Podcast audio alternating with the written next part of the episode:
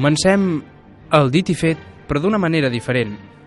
Dit i fet paranormal, on intentarem explicar històries misterioses, reals o fictícies, i donar solució a grans problemes que se'ns plantegin, com per exemple, Guillem, existeixen els fantasmes?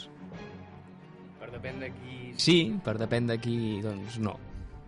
Molt bé, alguns són producte de la imaginació, per altra gent són ben reals i fins i tot els han vist. I suposo que mentre duri aquest programa, les dues, primeres sema les dues últimes setmanes de juliol i les dues primeres de setembre, intentarem donar solució a aquests eh, misteris, Sí. fins on es pugui. Fins on es pugui, perquè clar, tot això és molt relatiu, depenent de la persona, dels ulls que ho mirin i de la mentalitat. Són ara les 9 del vespre passades i comencem aquest programa. Tenim un convidat, Bernat Pera. Hola, bona nit.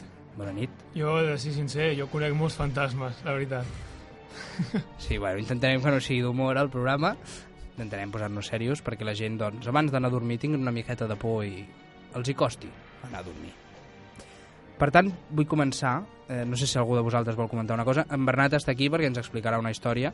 Ell, en el seu temps lliure, escriu històries de por Sí, bueno, ho intento. i, i ens explicarà alguna, també explicarem alguna altra explicarem alguna altra història, però encenguem suscetiu la foguera. Foguera. Per què no es poden explicar Oh. històries de por sense una bona foguera? O una llanterna a la cara. Una llanterna a la cara acompanyada d'una foguera. Sempre Sí, ha d'haver una sempre- foguera. sempre És el foguera. misteri del foc a la nit. Vull explicar una notícia que, que ha sortit recentment, va sortir, em sembla que dilluns, d'una exestrella de la NBA, en Baron Davis. Molta gent ja ho comenta, perquè s'ha anat filtrant aquesta notícia, s'ha anat fent més s'ha anat fent més bombo d'aquesta notícia, on va afirmar en una entrevista que havia estat abduït per extraterrestres. És aquesta la notícia. Llavors, bueno, l'explicaré l'explicaré una, una mica. Diu que va, el van abduir, d'acord, al desert de Califòrnia. Ell ja estava allà perquè... Ella estava passant amb cotxe. Llavors va dir, mireu, us ho, us ho relataré com, com ho diu ell, diu que va veure un, una llum molt brillant que pensava que era un, un camió, d'acord? I llavors l'únic que recorda després és que alguna cosa d'acer, de, de ferro, eh, l'estava tocant al seu cos. I, I va poder observar que estava rodejat d'uns certs com si vinguessin del futur que semblaven eh, humans. Eh, va dir que aquests certs doncs, el van, li donaven cops constants al nas, li van examinar els ulls inclús li van lligar les mans. Això ara vaig a llegir com, com ho va explicar ell. No?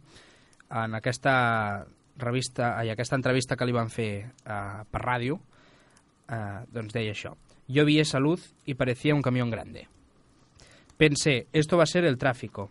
Lo siguiente que recuerdo es una cosa de acero y estas personas que buscaban como locos, medio humanos y medio feos. Ellos me estaban tocando la nariz mirando a mis ojos y tenían mis manos atadas y la siguiente cosa que recuerdo es que ya estaba en Montebello en camino de regreso a Los Ángeles a las 4 en punto de la mañana. S'ha de dir que ella anava de, de Las Vegas a Los Ángeles, hi ha una llarga distància i es veu que, que va recórrer un gran tram que no sabia com, com ho havia fet. Vull dir, va viatjar molt lluny i molt ràpid. I llavors això és una cosa que tampoc s'ho sap explicar. Una altra cosa que diu eh, que podrien estar involucrats els Illuminati.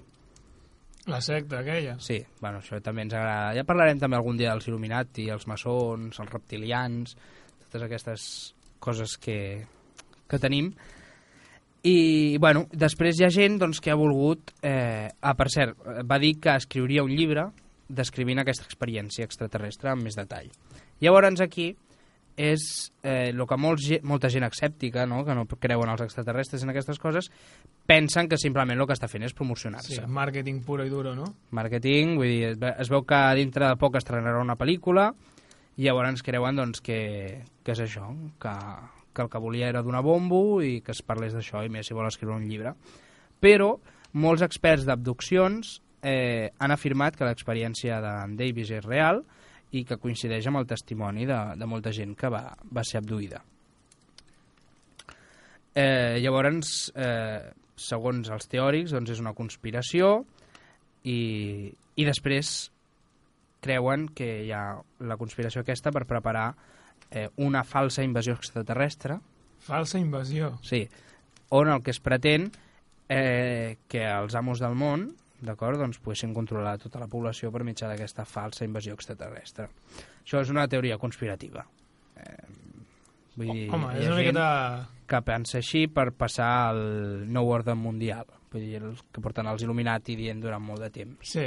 Això també parlarem de la profecia aquesta que, que va sortir fa poc quan es va escollir el nou papa, on aquest papa que teníem ara era l'últim papa. No la Hi ha, coneixia. bueno, hi ha una profecia que diu que vindrà un fals profeta i ens farà creure en l'anticrist i que es creu que la, serà aquest papa d'ara, Uh, en Paco I. sí, Paco primero.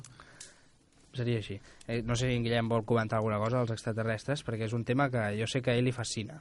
Bueno, sí, perquè de petit em feia por, llavors, doncs... Des de llavors ja... Des d'aleshores intento escoltar sempre coses d'aquestes. A veure, la qüestió és la gent que sempre ho tira en contra, perquè potser és veritat, i és màrqueting, i és promoció, o tot el que vulguis. Però als Estats Units hi ha gent que creu molt en els extraterrestres i gent que tot el contrari. Els donen com a bojos i com a gent amb poc cap, per dir-ho d'una manera, que s'inventen aquestes coses per destacar. La qüestió és, si és una exestrella de l'NBA, per què explica això? Més aviat es faria mal internacionalment que no pas per promocionar una pel·lícula. Segurament aquest home ja tindrà bastants calarons al banc i no li interessa molt. Però ara bé, és una exestrella, per tant ha de ser màrqueting i s'ha de promocionar. Si és un pagès que té una història d'aquesta, el que vol és a veure si rasca alguns diners, alguna entrevista, o poder destacar, o és una persona inculta que va viure una situació de paranoia o d'efectes de drogues o un alcohòlic, Mhm. el que sigui. Sempre es poden buscar coses d'aquestes i sempre n'hi hauran que siguin veritat, perquè clar, tu prens, depèn de quines substàncies, sobretot els bolets Clar, al·lucinògens. S'hauria de veure en quines I, clar, circumstàncies estava pots tenir... aquest jugador, no? Exacte. Però jo crec que això és una mica... Però bé, si va conduint per una carretera, que en principi les carreteres llargues, desertes, de línies rectes, on hi ha més accidents. Si aquest home havia pres alguna substància, segurament s'hagués fotut de lloros o hagués tingut algun accident. I va arribar, no?, a Los Bueno, Angeles. No sé. Molta Tampoc gent... no sóc un expert. Eh, A mi el que em Això, sorprèn... això és una mica però- com la, la, el, mit, el mite de la caverna de Plató, no? Que un pues, veu una cosa i diu I ei, que, l'explica als altres, que no? els extraterrestres existeixen i els altres el prenen per boig. A mi el que em sorprèn és que eh, especifica molt que, la, que li toquessin els ulls i no sé què, perquè quan t'estan fent això i tu no fas res, o tu mires, o no sé, no sé m'estranya. No, suposo que després parlarem d'un altre, altre fenomen. deia que Sí, tenia jo en, les mans general, lligades, en general soc bastant estava- escèptic amb, amb el tema abduccions, tot i que jo crec que sí que és veritat que pot haver-hi vida, no?, a fora de... Com a vida n'hi ha d'haver per força, és- bueno, per probabilitats. El que no estic tan segur és que vinguin a passejar-se per aquí amb algun platillo volante pel simple fet d'anar-nos a tocar els ulls. Però bueno, no sé. Ja, però També- tampoc sabem si són extraterrestres, si hi ha alguna altra cosa clar, clar, i en quan, enllà. en quan el que deies després de les conspiracions, en això mm, jo no és que no hi cregui, però no ho descarto del tot. Eh, sí que és veritat que hi ha molts estudis i molta gent que, que ho s'ha aprofundit en el tema i inclús conec gent que ha estat ficat una mica amb el amb, no et direm secta, però amb, amb, amb algun rotllo una mica raro i gent que creuen, per exemple, amb, el, amb els homes reptil i aquestes coses. Que dic, és que no, no puc creure que creguis això. I ell, amb tot de documents pues clar, et fa dubtar tot i que sigui una cosa rocambolesca et fa dubtar i el sol fet de fer-te dubtar ja t'estàs plantejant coses Bueno, això dels reptilians par parlarem en algun programa d'algun programa perquè hi ha moltes coses sobre aquest tema. Eh, per exemple, doncs, si Hitler era un reptilià i, també els diu que Bush també, hi va fer. inclús diuen que Bush inclús diuen que Obama. I Obama també I els faraons egipcis. Bueno, que també aquí també hi ha un gran, curiós. gran misteri d'Egipte. Perquè... sí. Sí, en parlarem algun dia. Sí. Però això dels Masses coses extraterrestres... Hi ha la teoria de que venen d'un altre planeta, d'un altre univers, el que sigui. També hi ha la teoria de que som nosaltres en un futur que sabem viatjar en el passat, mitjançant l'evolució de la física Que quàntica. s'ha de més un bon... Uh, hi ha pintures rupestres que representen tios amb botes, escafandra i amb una maleteta com a maies l'esquena. que surten amb una nau espacial i coses així Els maies tenen naus espacials, tenen cares Sí. del famós extraterrestre del cap ovalat, els ulls també ovalats, nas petit, boca petita. Tenen màscares, tenen dibuixos d'aquests personatges, però jo no parlo d'aquests més alienígenes, Bueno, que millor i- som nosaltres I evolucionats. quad això quadres no, del Renaixement, no se també. sap. Quadres del Renaixement, aquella famosa d'una ciutat amb una guerra entre plats voladors i algun cadàver pel terra, que diuen que hi ha els extraterrestres bons, els dolents, I nosaltres els al baixets mig. són els dolents, els alts són els bons, I nosaltres al mig. i nosaltres al mig. Però millor és veritat que som nosaltres en un futur que podem viatjar al passat per estudiar-nos el nostre, la nostra pròpia cultura, la nostra pròpia evolució, i aleshores a millor hi ha diferències anatòmiques que les volen comprovar i per això et toquen el nas o et toquen els ulls. I, o et porten lejia del futur, també. Exacte. No, però és, és complicat. Sí, sí. També és cert que s'han enganxat allò, micròfon obert, per accident, a, no en recordo quin càrrec de Rússia, que va dir que els extraterrestres existien, que estaven a la Terra i que hi havia una llista amb els noms. Això va ser... Un... Això va ser, no el Putin, però diríem el segon del Putin, per dir alguna cosa. Un d'alt càrrec rus en una entrevista. O sigui, fa poc, això que passa, fa poc, no va passar fa molt... I això ho, mig any, ho podríem fer. trobar. Sí, segur. Doncs ho segur intentarem que sí. trobar.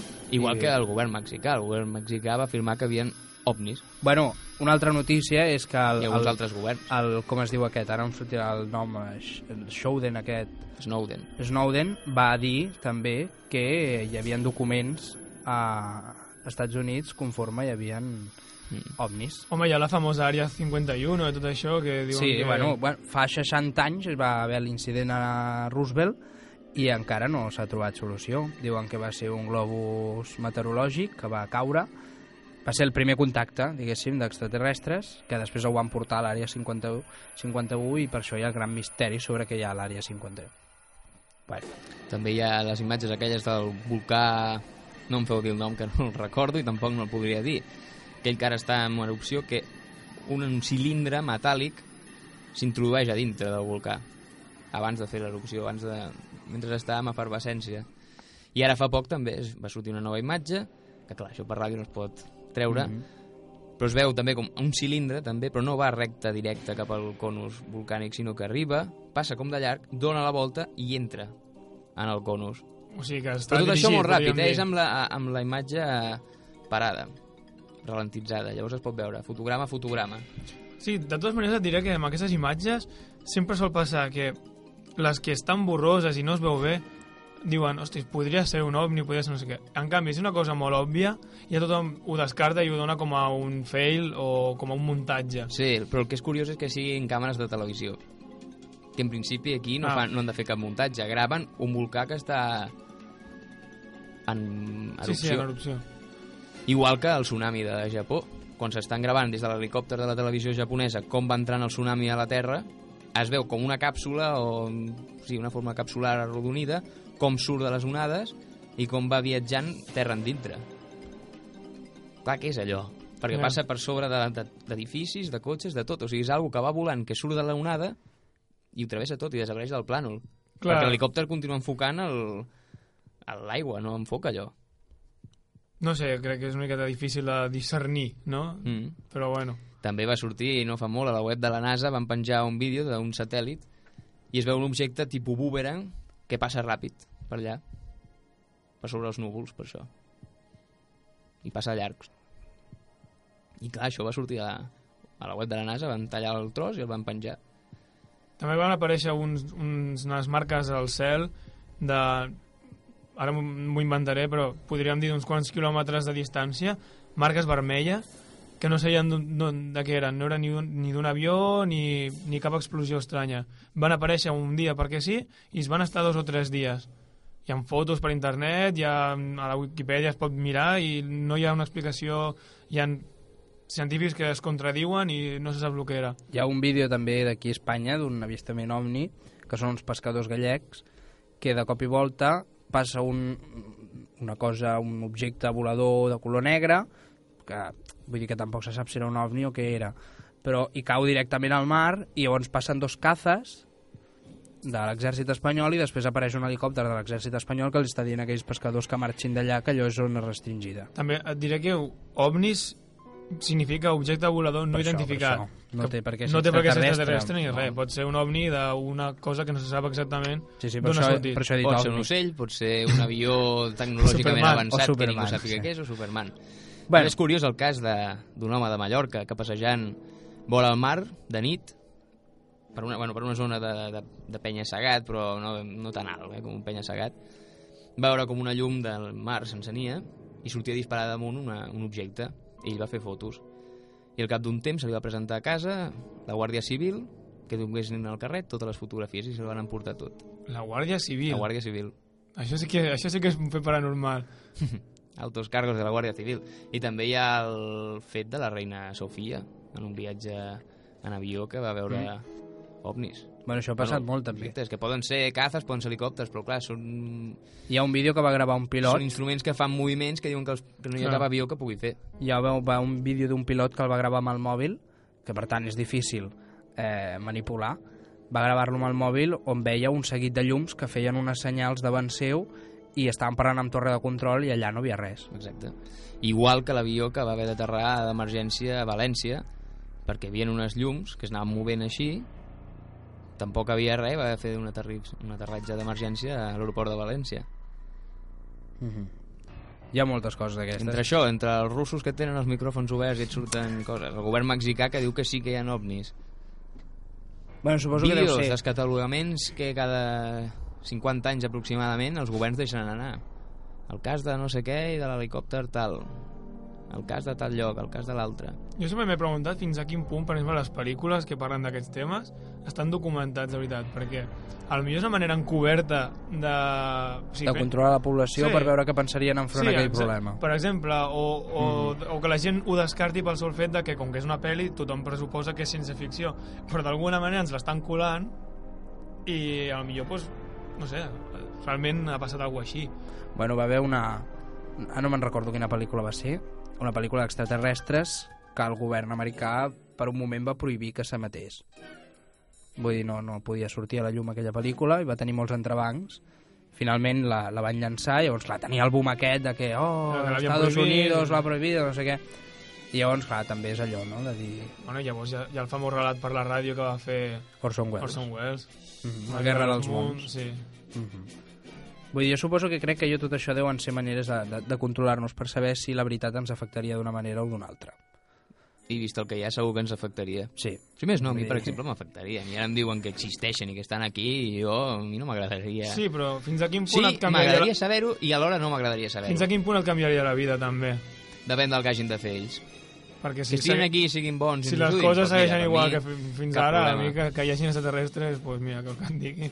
Bueno, jo crec que no, eh? que hi hauria un recel de la població humana Sí? cap a aquests individus. Sí. Però com sabrien qui són? Eh? Si No, el rus o- diu que hi ha la o llista amb els noms paranoics. de qui Sí, són... si hi ha la llista amb els noms, això ja per un punt. Ens tornaríem tots començarien paranoics. a buscar la llista com bojos, la Sí. gent. I no només això, sinó que la gent es tornaria paranoica i si cal aniria fotent trets a... Quan fa que ens coneixem? Saps? Vull dir, Sí, últimament no. tens un comportament molt estrany. Sí, vull dir, són coses així. Vull dir, jo crec que et Menges fixaries, rates? fixaries més en l'altra gent i aquestes coses. Pot ser, però mira, Crec jo que mira seria... Millor no saber-ho, de moment. la ignorància és la felicitat. I si ho sabem Millor que... i alhora també, perquè no, carai, ho hauríem de saber. Depèn. Depèn. Jo crec que hi haurien persones que ho podrien saber i no passaria res, i altres persones que ho sabessin doncs seria un gran problema. Bueno, ja s'haurien d'acostumar. Anem a parlar d'una altra cosa ara, Vinga. parlant d'extraterrestres i doncs, que el van abduir, que és la paràlisi del son. Suposo que en Guillem ja sap de què parlo. És aquella sensació, a tots ens ha passat alguna vegada, normalment, que és aquella sensació que tu estàs dormint i eh, estàs en un somni i no pots ni cridar, ni et pots moure, ni...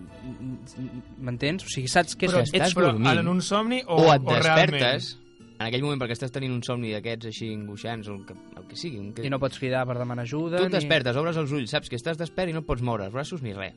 Fins al cap de 5 segons, per dir Mhm. cosa. Res, un moment que dius, em vull moure, no puc. Mhm. No allò que se t'ha adormit el braç, que no pots aixecar a partir del colze però de l'espatlla, sí. No, no pots moure res. Ni tombar-te, ni, ni moure el cap ni el braç fins al cap de 5 segons, que sembla que et desbloquegin i llavors et pots moure. Home, el, el cos, quan es relaxa molt, molt, molt, eh, acaba... Pot arribar a pensar que un múscul, per exemple, està mort. I el Sí, cervell envia un estímul Sí, però- elèctric per, per, que, per, no- per saber si està viu, que és que quan, és que quan jo- tens aquestes contraccions involuntàries, a vegades és el, el cervell que diu, ui, no sé si aquest múscul està mort. Les, con Bueno. les convulsions de, per La- exemple, quan dorms, no? La cosa, Sí. és, la cosa és aquesta, no? Doncs que, que, o inclús sents que tens un gran pes a sobre el pit, com si tinguessis alguna cosa sobre el pit, que t'oprimeix el pit, o inclús que et dona la sensació que hi ha algú allà. Vull dir, que hi ha algú que t'està observant allà mateix. Això vindria arrel bueno, del que ens va és explicar... Molt, molt típic. Això és també arrel del que ens va explicar en Guillem al programa d'Itifit, d'un cas que va haver als Estats Units d'extraterrestres. Als Estats Units i a tot el món Sí, a en tot el global, món. que ja havia passat molt abans d'aquell any, però que va coincidir que aquell any va haver un gran boom de I hi havia molta gent que deia doncs, que havia vist que hi havia algú que els estava observant i llavors els hi passava això. Bueno, eh, clar, com tot, no? eh, hi ha gent que és molt, molt escèptica en aquests temes. El que passa que aquest cas no se li ha pogut donar una explicació real, verídica, de dir, mira, passa per això. Encara no se pot trobar, com tot el món dels somnis, vull dir, és una cosa bastant complicada, però bueno, el que diuen és que eh, la paràlisi del, del son està relacionada amb la paràlisi, la paràlisi natural que, que ens, ens passa quan estem en la fase REM, no? allò que es diu Rapid Eye Movement, que és eh, moviment ràpid dels ulls, no? que és quan estem dormint i arribem a la fase REM. Doncs el que passa en la fase REM és que eh, el cos es paralitza. Vull dir, arriba un moment que, que tot es relaxa i llavors eh, el, el, aquí és on arribem a la part en què somiem, no? Eh, durant la fase REM. Per tant, això és el que es creu que les visions que, que, que tenim, com que estem a la fase REM i no ens podem moure, doncs precisament aquesta és la sensació que tenim de dir, hòstia, estic conscient però no, Però estic no, no alhora, em puc moure. Llavors, durant la fase REM, eh, el ritme cardíac es redueix, la pressió arterial també, la freqüència respiratòria, després arriba la paràlisi muscular, no? perquè el cos no... és un, un mecanisme de seguretat perquè el cos no tingui lesions durant, durant el somni. Eh, després eh, hi ha el, el cor i la freqüència respiratòria, com que es redueixen, aquesta és la sensació d'oprimació que tenim al pit, com si tinguéssim alguna cosa a sobre. Aquesta és una teoria científica pel que fa a la, a la paràlisi del son. Bé, però hi ha moltes persones que el que creuen és que aquesta paràlisi del son està provocada per entitats negatives, eh, estranyes presències eh, mentre el son i, i, el, i la vigília del son, no? Evidentment, les, les visites aquestes d'aquests ens negatius o misteriosos o com el vulguem dir, es fan durant la nit perquè és quan nosaltres estem menys alerta no? i som més indefensos en aquest sentit i llavors hi ha aquesta doncs que es creu que és un espírit, un, un dimoni, un, un alguna cosa Sí, que és, és, el que et és fa el propi aquesta... esperit que, que et fa que no et paralitza. mou, que- sí. Però no és que et posseeixi. Llavors, hi han diferents històries on diuen que eren uns dimonis que se t'asseien a sobre, t'oprimien tot el cos, d'acord? Llavors et feien veure vivències negatives i dolentes, que serien doncs, aquelles malsons que hem tingut abans de- d'aquest estat de, de paràlisi. Però això també està relacionat amb les abduccions extraterrestres, que era per això que ho volia, ho volia explicar. Una altra de les teories és aquesta, que, que es desperta, és incapaç de moure's, eh, sent una presència a l'habitació, veu inclús alguns éssers al peu del llit, però clar, després pel matí s'aixeca i té re vagos records de, de, del que ha passat aquella nit. Que I- vols dir ja- alguna cosa, Guillem? No, no, has de, has de continuar. No, bueno, anava a dir que hi ha moltes moltes eh, diferents països, per exemple, a Anglaterra doncs això se li anomena eh, All Hack, que és, eh, podríem traduir com la vieja bruja. Eh, a les illes Fidjis eh, és eh, un ésser que et posseeix, que seria un dimoni que et posseeix durant, durant la nit. A Vietnam eh, significa que, que la persona que pateix aquesta paràlisi és perquè està subjectada per un fantasma o una ombra. A Islàndia es creu que és un, un follet, que és el que et paralitza, i a Mèxic es creu que és eh, l'espírit d'una persona morta eh, que es, es, tomba sobre, es tomba sobre la persona que pateix la paràlisi i per això hi ha aquell moment de paràlisi. Bueno, per veure una mica diferents, diferents cultures. És que hi ha la teoria d'això, que com ja has comentat abans, de que durant la fase del son, com que hi ha un moment de vulnerabilitat, però alhora la teva ment i tot està més obert, que diuen també és quan es produeixen els somnis astrals, que és quan el teu esperit surt del teu cos per anar a altres punts, que hi ha gent que ho sap controlar, hi ha gent que no sap controlar, etc. Diuen que són els moments en què altres entitats, tant positives com negatives, entren en contacte amb tu. Clar, si és positiva o és negativa, cada efecte tindrà no? el que produirà el que hagi de produir, el que vulguin fer. um, no saben si entren dins del teu cos, si juguen amb el teu cos astral, no saben el que fan. I com has dit, hi ha diferents tipus de d'entitats arreu del món i cada, molts països i moltes cultures tenen el tal personatge que et visita la nit i fa això. I cadascun té un nom i cadascú fa unes coses o en fa unes altres. Però és curiós que hi ha un tipus de somni somni que no és somni que molta gent ha tingut. Jo també l'he tingut i altra gent que conec també l'ha tingut i fins i tot una vegada al programa de Quarto Milenio va sortir i van comentar aquests temes perquè és un fenomen que s'ha produït a molta gent potser és un somni, potser no és un somni però és la sensació, tu estàs dormint i de cop és com si et despertessis i una força t'enganxés com pel pit, per la zona de les costelles, bàsicament, t'enganxés contra la paret, et pugés cap al sostre i et refregués per sobre el sostre. I tu estàs veient el sostre... Bueno, no estàs veient el sostre, estàs veient el terra, t'estàs veient a tu dormint, amb una certa posició, estàs veient si hi ha moviment a l'habitació i tot, i tu notes com t'estan oprimint pel pit i t'estan refregant pel sostre i per la paret, pel racó del sostre. Però parles de paret. sensació.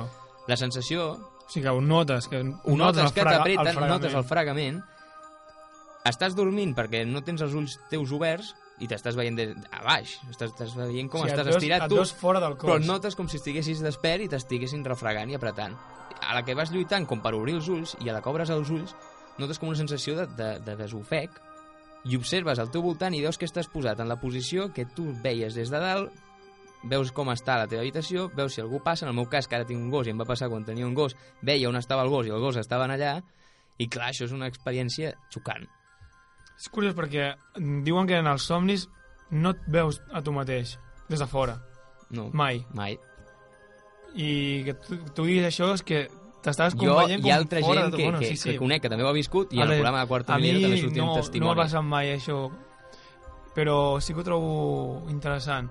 Tot el d'abans, que es comentaven dels follets i dels dimonis, em sembla a mi, amb tots els respectes, una mica l'explicació, quasi et diria medievalística, del fet... Eh, Sí, bueno, procedeix d'allà. vull dir, Sí, l'explicació sí. Aquesta. Vull dir, és com una miqueta el, no sé, el ratoncito Pérez, per, salvant les distàncies. Però el fet del somiar amb això ja és un punt diferent, segons. Somiar o no somiar, perquè Bueno, insisteixo que la sensació sí, sí, sí. està... és com si estiguessis despert. Um, somiar Però estan despert. estàs veient no sé com que, que tu estàs a baix dormint, per tant Somiar no sonambulament, no sé com dir-ho. No, jo una vegada vaig somiar una, Sortir del teu cos. un, bueno, vaig tenir un son, un mal son, em vaig despertar, però aquella sensació que dius, vale, estic despert, parlava, em mirava, vale, tot correcte, anava a l'habitació amb uns pares, perquè era jo petit, i llavors passava una altra cosa del somni.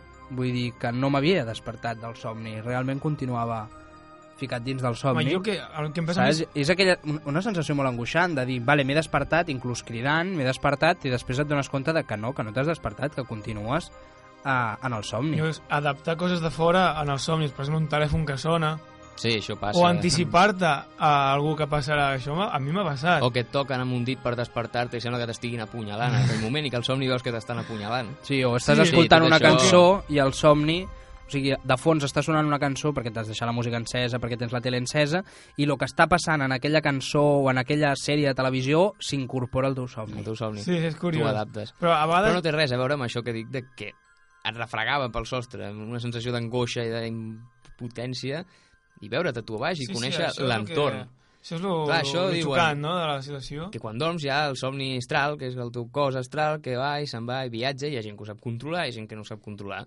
Mm, això diuen Que també diuen si que quan tu els estàs somnis, fora doncs, d'aquest del teu cos fent un viatge astral i és en aquells moments que estàs somiant i et despertes com de cop, que et despertes sobresaltat i com amb mala sensació, Sí, diuen que és que no ha arribat, no, no ha entrat del tot bé el teu cos astral a dintre mira, del teu cos en els somnis, físic.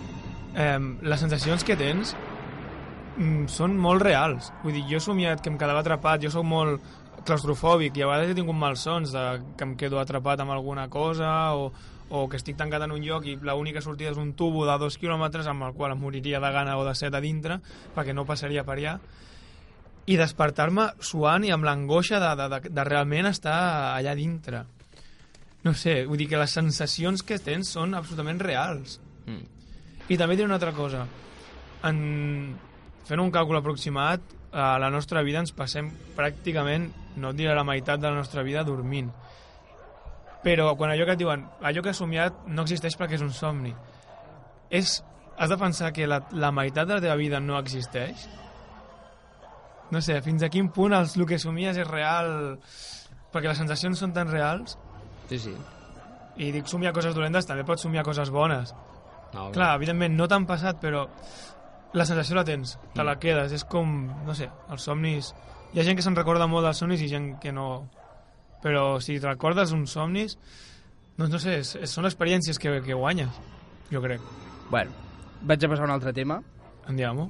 Quina llàstima, volia explicar Ah, explica, explica. un petit cas, però que no és dormint, que és d'una operació de quiròfan, una noia que l'estaven operant, una operació llarga i complicada, que evidentment, clar, la van anestesiar completament. Doncs quan es va anestesiar, ella es veia el seu cos com l'estaven operant, que comentaven els cirurgians, va sortir d'allà, va anar a mirar la seva família, que la seva mare estava resant allà a la capella de... Bueno, una sala que havia al costat del, de, de la zona de quiròfans, pràcticament i es va quedar amb les converses que tenien els seus familiars i converses que tenien els, I els després- metges. i després es Quan recordava. es va despertar, se'n recordava de veure tot com va anar l'operació i, tot aquest, i les converses, i les va comentar, i eren certes. I Això- això, clar, els cirurgians no entenien i ningú pot entendre Bueno, això és com- com ho podia saber. Com quan et fan hipnosi i recordes vides passades, no? Sí. Una mica, però sortir del O cos... nens petits que dibuixen una casa i diuen que ells Mm. viuen en allà Sí. i descriuen com és una casa i tal. Això va passar a un noi d'Irlanda i va dir que ell era d'Austràlia, que vivia en un poble que es deia tal, en una casa tal, i va dibuixar com era la casa per dintre. I van anar Total, que es va fer gran, la casa. Van anar a buscar la casa, va, els van deixar entrar a la casa, existia, era com ell l'havia dibuixada, I i la distribució de la casa era era tal com ell la, la descrivia. Hòstia, por... Bueno, a mi això em va passar quan era petit. això ha passat algunes vegades. Jo quan era petit els deia a mons pares, jo no vivia amb vosaltres, jo tenia una altra família, el meu pare es deia tal, la meva, meva mare es deia tal, i després mon pare van buscar aquests noms i sí, vull dir, era un matrimoni que s'havien mort. Ostres. Això és una història que amaga la meva família. Ja deia jo que... Eh, una mica raro. rares que sí. ningú pot explicar. Eh? Vull dir, però jo no me'n recordo d'això, vull dir, això perquè m'ho han explicat després mons pares i jo em vaig De quan eres nen, nen, nen. I jo això, jo això no ho he dit mai. Sí, sí, ho vas dir, ho vas dir, i m'ho han ensenyat i tot, el, el, el matrimoni, que havien tingut un accident de cotxe. I, Guillem, respecte al que deies tu de- d'una operació, que hi ha la història aquella d'una persona que li van fer una operació amb l'anestèsia, però que era conscient de tot el que li estaven fent, veia tot el que li estaven fent, però no podia parlar, quasi, quasi que estava paralitzat, no crec que fos en la fase REM del son, però... Bé, això es devia donar el cas d'una mala anestèsia, crec jo. Sí, però no es podia moure, però podia, era conscient i notava, tenia la sensació de tot el dolor que li estaven causant. O sigui, això sí que crea angoixa de, de Bueno. poder-se moure. Anem a parlar ara de Guillem, t'has quedat amb ganes de dir alguna cosa? Sí, no, això que està comentant ell, a mi sempre m'han fet molta angúnia les operacions d'ull i el cas d'un home que li havien de fer una operació a l'ull, bueno, li havien d'extirpar un ull, extirpar, i el van anestesiar, es va quedar relaxat, no podia parlar, no es podia moure, no podia fer res, però era conscient, això que dius tu, de, de tot, de tot, inclús del dolor. I li van extirpar l'ull notant el dolor, Ah. i sense poder-se moure, sense poder fer res. Bé, anem a passar ara a un altre tema. Porto un altre, un altre cas d'un que es diu Orang Munian, d'acord? Que és un poble invisible que existeix a Malàsia. Un poble invisible no vull dir Masnou, Premià de Mar, que de cop i volta es fa invisible, eh? A un poble invi Menys invisible... A un poble invisible em, em refereixo a, a, com es diu, doncs, una sèrie d'individus, d'acord, que No seria Poble Fantasma? no, Més que Poble és, Invisible? no eh, Pueblo com a, com a associació Ah, d'individus, no com a poble... Vale, vale, no com a poble físic de cases. Exacte, sinó com a col·lectiu d'individus. Bé, eh, es diu que els Orang Munian, aquest poble, aquestes persones, habiten els boscos, eh, els boscos més profuns de Malàsia i no entren mai en contacte humà, vale? però se sap també que viuen a prop de les comunitats humanes i, i que viuen inclús igual que, que els humans. Llavors són alguns dels causants dels fenòmens paranormals que ocorren. Aquest poble, com he dit, és invisible, vull dir, no se'l pot veure, però se sap que existeix. Hi ha vàries, eh, vàries eh, mm, Evidència? evidències que, doncs, una mica teoritzen aquesta existència d'aquest poble. Per exemple, es veu que hi havia una mare que estava a punt de, de donar llum i la, la, la madrona li deia doncs, eh, empenyés, no? Perquè que estava a punt de sortir el nen i quan va donar llum no hi havia nen. Va aparèixer la placenta sense nen. llavors no se sabia on estava el nen. Com aquest hi ha molts casos que, doncs, que era un nen que probablement va ser segrestat per, per aquesta comunitat, pels Bunyan, i, i hi ha molts. Diuen que va ser la, matron, la madrona que va entregar el nen a aquesta comunitat, perquè diuen que tu pots parlar amb aquesta comunitat i fer algun tipus de trueque perquè ells facin una cosa per tu i tu fer una cosa per ells. I es veu que el que busquen, sobretot, eh, són recent nascuts eh, o nens.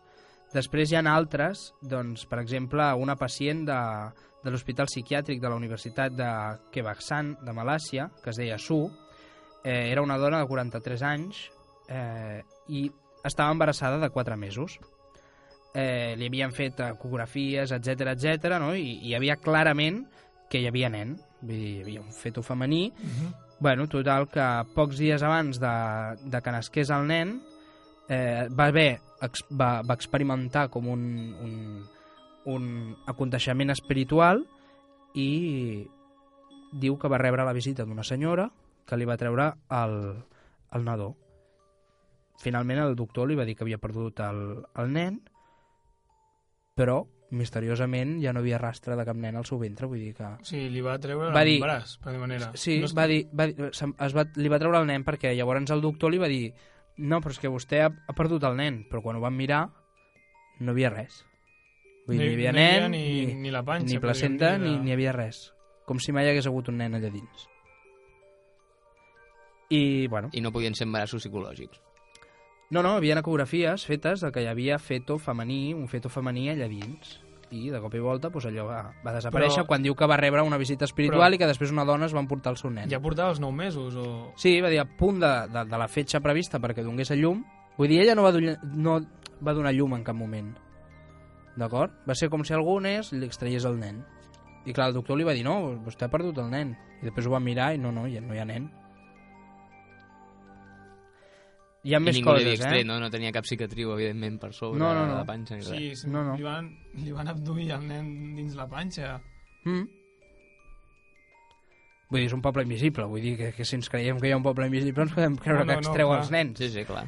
Eh, hi han més coses, no? Es creu que tots els nens que es perden al bosc, doncs, eh, o per les muntanyes, eh, se'ls queden a aquesta comunitat, els Bunyan.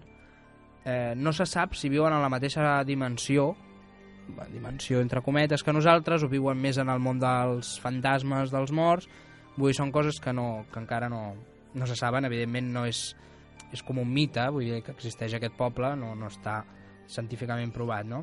Però hi ha, hi ha més, més coses. Va haver un, un, un director eh, de, de cinema, malaio, eh, de, de Malàsia, que es deia Afdil Zauki, Hombre, Vale. famosíssim Que- director.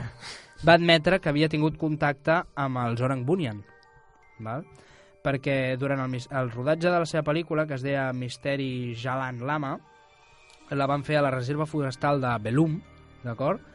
Va demanar dos autobusos a Matrezzo. Un autobús va arribar i l'altre autobús no. I quan van anar a buscar l'altre autobús, l'autobús no hi havia ni rastre hi havia tot l'Atrezzo escampat pel terra. I això. I allà no tenen guerrilles més. ni No. grups Home, armats que volguessin podria robar haver- un autocar. A l'autobusero es podria haver pirat i deixant les coses al terra. Bueno, Però- molt estrany, no? Vull dir, t'emportes l'autobús Sí, no, amb el que hi hagi dins. No ho llences A mi allà. sabia greu. Bueno, és una miqueta estrany, que això d'aquest aquest poble invisible... I després hi ha un, una dona, bueno, un, el Sulaima Abdul Kadir, és un altre home, és un escriptor de Singapur, vale? que treballa amb l'Organització d'Investigació Paranormal i Sobrenatural. I va entrevistar una senyora que es diu senyora Shan, que va dir que s'havia casat amb un príncep de la comunitat de Bunyan. El 2004, la senyora Shan va començar a tenir misteriosos somnis, parlant abans de somnis, d'un jove que li feia senyes perquè anés a, a Gungnum Ledang. Vale?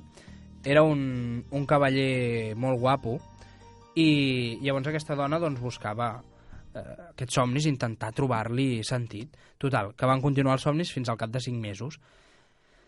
Finalment va decidir anar al lloc aquell on, on el jove aquell l'anunciava, no? i va començar el viatge a Kungnum Ledan i ho va fer el desembre del 2004. Bueno, curiosament, quan ella va marxar, curiosament va tenir lloc el, el tsunami de Tailàndia. Vull dir que aquella dona vivia a la costa i Mm. precisament quan va marxar va tenir lloc el, el tsunami de, Taila- de Tailàndia. Quan va arribar a, a l'Edang Gungnum, eh, a la mitjanit va ser portada fins a la part superior de la muntanya i és allà on va conèixer a l'espòs, el príncep Banian aquest, de, del poble Bunyan i, i a la comunitat. Vull dir, a totes les persones que formaven Però part d'aquesta No els comunitat. podia veure, clar. Sí, Ah, ara ella després ho sí. explicaré. Ah, vale. Segons els amics d'aquesta d'aquesta noia, eh, que la van acompanyar en el viatge, la senyora Shan va desaparèixer durant aproximadament 4 hores, de la mitjanit a les 4 del matí. Va desaparèixer de cop i volta, sense deixar rastre. Diu que el seu marit no es pot veure, eh, o sigui, tu no el pots veure a no ser que ell vulgui Ah, vale. que el veguis. Però com, seria com els fantasmes, no? Que no es veuen a no ser que ells vulguin que els veguis. Vegis? Bueno. Eh... Bueno, hi ha gent que diu que, que els Orient Bunyan no només estan a Malàsia, sinó que hi ha comunitats per tot el món que viuen amb nosaltres, en un món paral·lel o en un mateix món. Ja, sí, és el que no acabo d'entendre. Quan diuen que viuen entre nosaltres, es refereixen a que ocupen un espai físic entre nosaltres? Suposo que és allò... no se sap. Perquè jo no m'imagino, no sé, anar caminant i xocar-me amb... Però no pot xocar, perquè en teoria, no? Bueno, és que invisible no vol Tu- dir... Ja, però tu xoques amb els amb les altres persones pel carrer? No, però si és invisible... Ja, però que tu no el veguis no vol dir que ell no et vegi tu. Vale, sí. Per tant, potser tu vas en una direcció i ell agafa una altra per no xocar. Vale, pot ser. Però no sé, és que, mira, just aquest... Però igualment, aquest, vull dir, els, Tios invisibles... mm. hi ha un, pot haver un, un món paral·lel, una, Això nova, sí. una altra dimensió, on Mira, aquesta això- gent visqui i vingui a la nostra. Amb Vull això dels mons paral·lels hi crec més que, que, que una altra cosa, perquè, mira... Um, De fet, la teoria de està- cordes i tot això exacte, està... té més, té més lògica, no sé com dir-ho. Que hi ha universos paral·lels. És més, crec més, com crec, crec, més, ells, crec més en però- això que en els viatges en el temps que parlaves al principi. Sí, però si domines i saps que hi ha universos paral·lels a diferent espai i diferent temps, o mateix espai però diferent temps, de fet, Clar, a millor algun dia s'arriba a trobar un sistema de poder anar d'un espai a un altre. sí, sí, clar. I el que seria les portes bueno, seria el que, que, diuen que hi ha i tot això. seria el que estan fent aquests, amb, que ha passat ser. també amb gent que se'n va a caminar, per exemple, aquí dalt, a Sant Mateu. Estan passejant pel bosc i de cop estan perduts, no saben on estan, van a un poble i és un poble millor de Sud-amèrica. Com han arribat allà?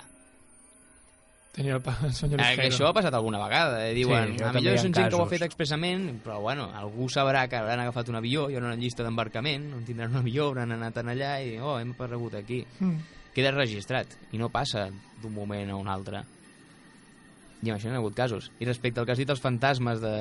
que a vegades es, es volen deixar veure i a vegades no es volen deixar veure, abans quan comentava això de la nit, dels somnis, que és quan som més vulnerables, també és quan estem més oberts, diuen, a poder veure esperits o entitats. Són més perceptius. Exacte. O Igual que els nens o- o que diuen que tenen precisament- el vel d'Isis o Iris, el vel d'Isis, Eh? crec. Els nens diuen que tenen el vel d'Isis o el velo de...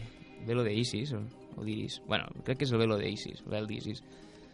Que això els hi permet veure altres entitats que hi ha anant allà que és, surten les teories dels amics invisibles i totes Mhm. aquestes històries que en un moment determinat de l'edat allò desapareix i ja mai més veus res excepte en algun moment donat si un dia et despertes, mires i veus que tens algú assentat als peus del llit o algú que està de peu al costat de la porta que això ja en parlarem Un altre moment. un altre moment, un altre dia I ara arriba el moment de les històries de por, abans d'anar a dormir.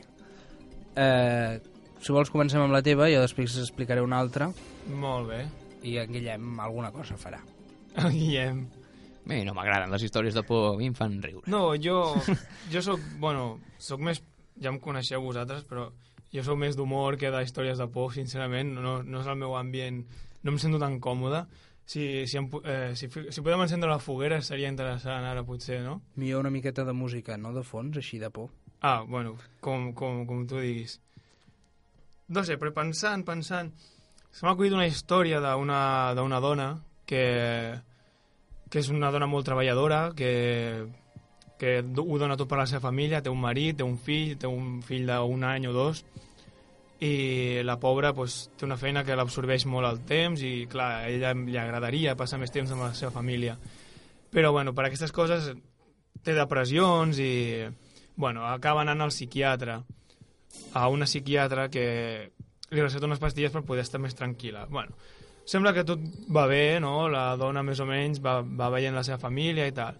Però arriba un dia que així es desperta a mitjanit i va a la cuina perquè té, volia beure un got d'aigua.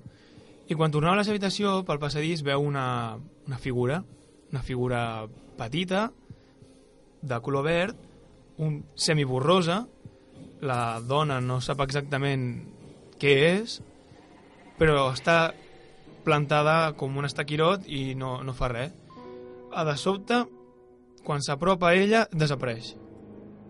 La dona, clar, no, no sap què era allò ni, ni, ni, ni res, però no li dona molt, molta importància perquè li, bueno, li dona les, la culpa a l'estrès i diu, bueno, no passa res, me'n vaig a dormir i, i bueno, haurà sigut un... ho hauré malinterpretat el que sigui. Bueno, van passant els dies i torna a passar alguna similar. Una nit es desperta, va a la cuina, com sempre, es fa un got d'aigua i quan torna veu la mateixa figura que l'està mirant figura petita que l'està mirant fixament. Aquesta vegada la dona intenta fixar-se més en com és aquesta figura, però no acaba de veure, està borrosa. De sobte veu que la figura es mou i se'n va directament a l'habitació del seu fill i traspassa la porta. La dona, clar, mm, diu, ostres, davant d'aquesta situació va corrents a l'habitació del fill, obre la porta per veure què passa i en allà doncs, no passa res, es troba el seu fill dormint tan tranquil clar, li fa un petó, l'abraça, eh, el fill es posa a plorar, el pare s'aixeca, mm, tenen una discussió perquè clar s'han de llevar d'hora i el nen està plorant ara. Així que la dona decideix explicar-li al marit mira, és que fa uns dies que porto tinguent unes visions una mica estranyes. A l'home li recomana que torni a la, a la, a la psiquiatra i que li augmenti una mica la dosi perquè li atribueixen tot això a l'estrès i les depressions que té habitualment la dona. Així que hi va. I a cap d'un dia o dos, prenent-se les pastilles més fortes, torna a veure la figura. Igual, el mateix mecanisme, va veure un got d'aigua i es troba la figura al mig del passadís. Aquesta vegada la figura porta un ganivet. Clar, la dona fa un crit i la figura se li apropa i li fa un tall al braç. La dona s'espanta i es desmaia. I l'endemà es desperta sola en el seu llit amb un tall al braç però que no sap quan parla amb l'home diu que, que se la van trobar a ella amb un ganivet i que, que probablement s'hauria autolesionat ella i que comencen a estar molt, molt preocupats per ella. La dona, clar, us podeu imaginar pf, amb, un, amb un cacau mental. Però bé la, aquella mateixa nit la dona no podia dormir perquè tenia por que li aparegués la figura. I aleshores va decidir no anar a la cuina, però estant al llit sent un soroll. Va investigar en el passi i està allà, evidentment. Torna a estar la mateixa figura amb un ganivet. I en comptes d'atacar-la la dona, entra a l'habitació del nen. La mare, amb, amb, amb, amb la por, va corrents, agafa un ganivet, ella, de la cuina, entra a l'habitació i veu que el monstre està a punt de matar el seu fill. Amb la qual ella, instintivament, li clava el punyal al monstre verd. De l'estrès, es desmaia. A l'endemà es desperta a l'hospital i ella no entén què passa, no, no sap on està i parla amb el metge, li diu, escolti, que, que, que és que m'he despertat d'aquí, no, no, no sé què ha passat, estava a casa, em va passar una cosa molt estranya. I, i els metges s'apropen i diuen, sí, mire, que, que bueno, val més que parli amb la policia. S'apropen dos policies i diuen, què, què passa, què passa? I diuen, miri, no sé com dir-li, però ahir vostè va matar el seu fill. I aquesta seria la història. Bueno, suposo que la setmana que ve sabrem alguna cosa més de si existia el monstre, si no existia. Almenys explicarem la història que jo tenia preparada perquè ja no tenim temps per més. Ens despedim, Guillem Vidal, gràcies. Bernat Pera, gràcies. El control tècnic, Victòria. Cajigas, amb el suport de Carles Soler. Ens veiem la setmana que ve i que dormiu bé.